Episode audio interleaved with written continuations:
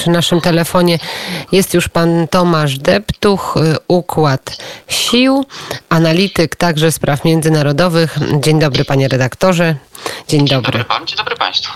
To my może zacznijmy od y, Stanów Zjednoczonych, a przede wszystkim od umowy, która została podpisana kilka dni temu pomiędzy Polską a Stanami Zjednoczonymi. Co wiemy o tej umowie? Czy znamy dokładny tekst, czy znamy cały dokument?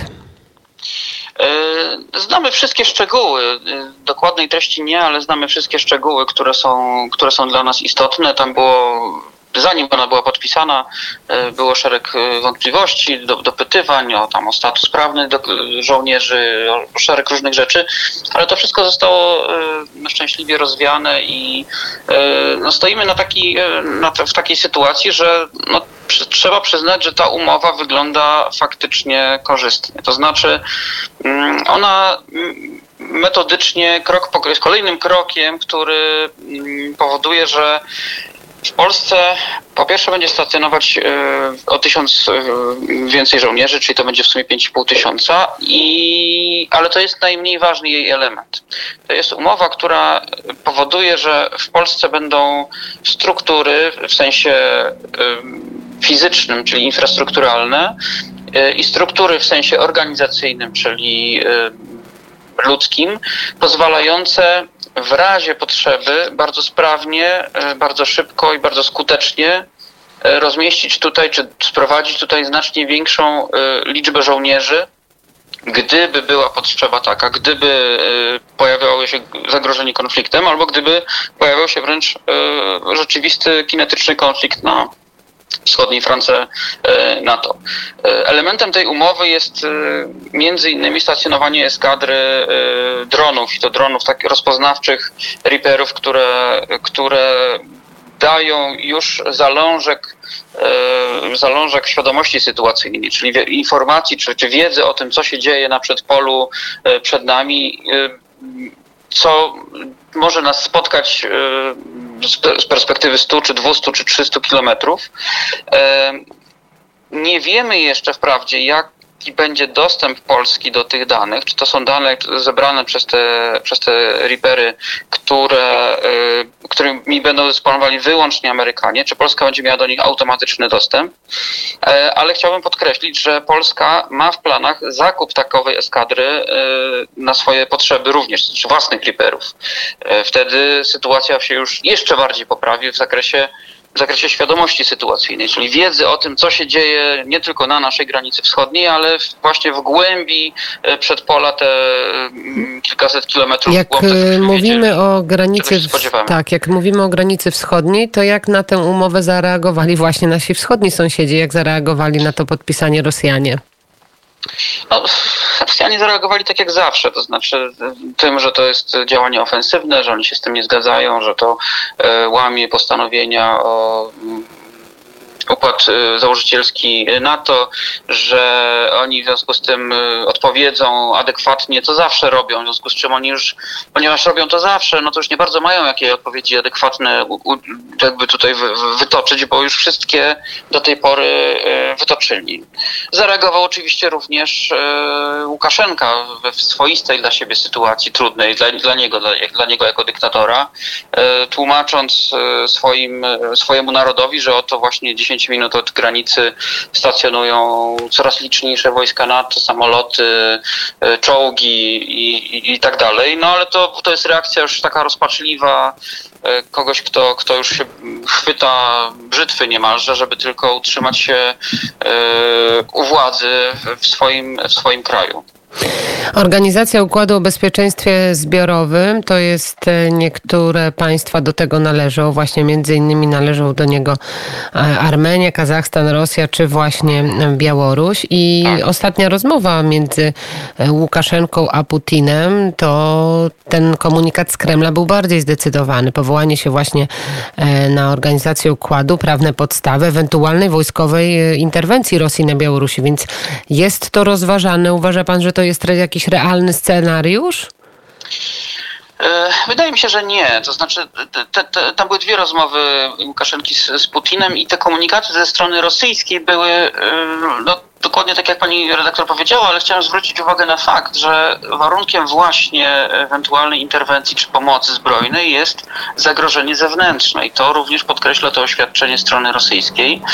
Mm, no to by była naprawdę bardzo karkołomna konstrukcja, żeby się powoływać na zagrożenie, e, na, na zagrożenie zewnętrzne, więc nie mam przekonania, czy ten komunikat ma świadczyć o tym, że Rosja jest gotowa do takowej interwencji. Raczej się skłaniam do tego, że jest to komunikat, który no ma jakoś tam być może zadowolić Łukaszenkę, ale, ale tak naprawdę mówi o tym, że ta interwencja jest możliwa wyłącznie w przypadku interwencji czy, tam, czy, czy, czy zagrożenia zewnętrznego, którego de facto w tej chwili nie ma. Pan więc... sam powiedział, że te wojska NATO stoją już przy granicy z Białorusią, więc Aleksandr Łukaszenko może to opacznie rozumieć w pewien sposób. Hmm, znaczy przede wszystkim może to opacznie przedstawiać, bo że on to opacznie rozumie, to aż taki głupi to on nie jest, ale myślę, że może to zdecydowanie e, prze, opacznie przekazywać e, i opacznie przedstawiać, bo jest człowiekiem w tym momencie zdesperowanym, jest człowiekiem, któremu się władza wymyka z ręki. A to nie chodzi o to, że on odejdzie na emeryturę. No, dla niego to jest, czym innym jest odejście od władzy kogoś, kto był demokratycznie wybrany na jedną czy dwie kadencje i naturalną koleją rzeczy odchodzi, a czym innym jest e, odejście od władzy dyktatora, który, który dekady już rządzi w, w sposób sposób no, dyktatorski. Także on to, to wręcz można śmiało powiedzieć, że on walczy wręcz o życie, bo nie wiadomo, co by się stało, jeżeli on by tą władzę w ten czy inny sposób y, stracił, a idzie na zwarcie. To znaczy on nie idzie na scenariusz taki, jak, na jaki był w Polsce chociażby w 1989 roku. Raczej idzie na scenariusz taki, jaki był w Polsce w 1981, albo taki, jak był y, w 1989 w, w Rumunii, powiedzmy, czy potem w Libii, jeszcze upadał Tak, jeszcze wszystko przed Aleksandrem Łukaszenką. Może on porozumieć się przecież z protestującymi, może zapowiedzieć okrągły stół i lekką, suchą stopą przejść w nowy mm, wymiar i w nowy e, ustrój. Tak też się może, może zdarzyć, tak samo jak było w Polsce, ale jeszcze wrócę do wizyty Mike'a Pompeo, sekretarza stanu Stanów Zjednoczonych. Ten apele, które były skierowane, uważa pan, że to są apele, które mają znaczenie? Bo Irena Lasota wcześniej na, na naszej antenie mówiła, że wielokrotnie już te apele były ze Stanów Zjednoczonych i z Unii Europejskiej Łukaszenka sobie niewiele z tego robił. No niewiele sobie robił i to jakby, znaczy ja nie w to, że Łukaszenka posłucha apeli z tej czy innej strony,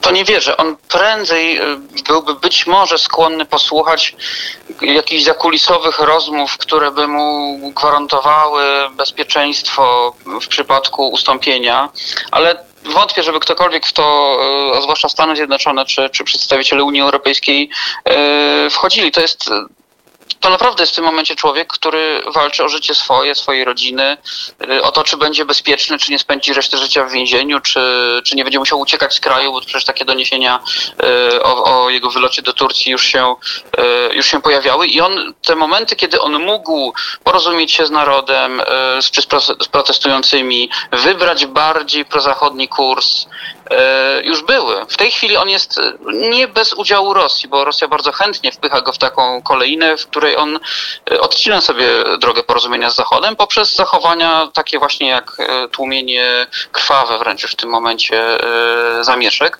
i protestów.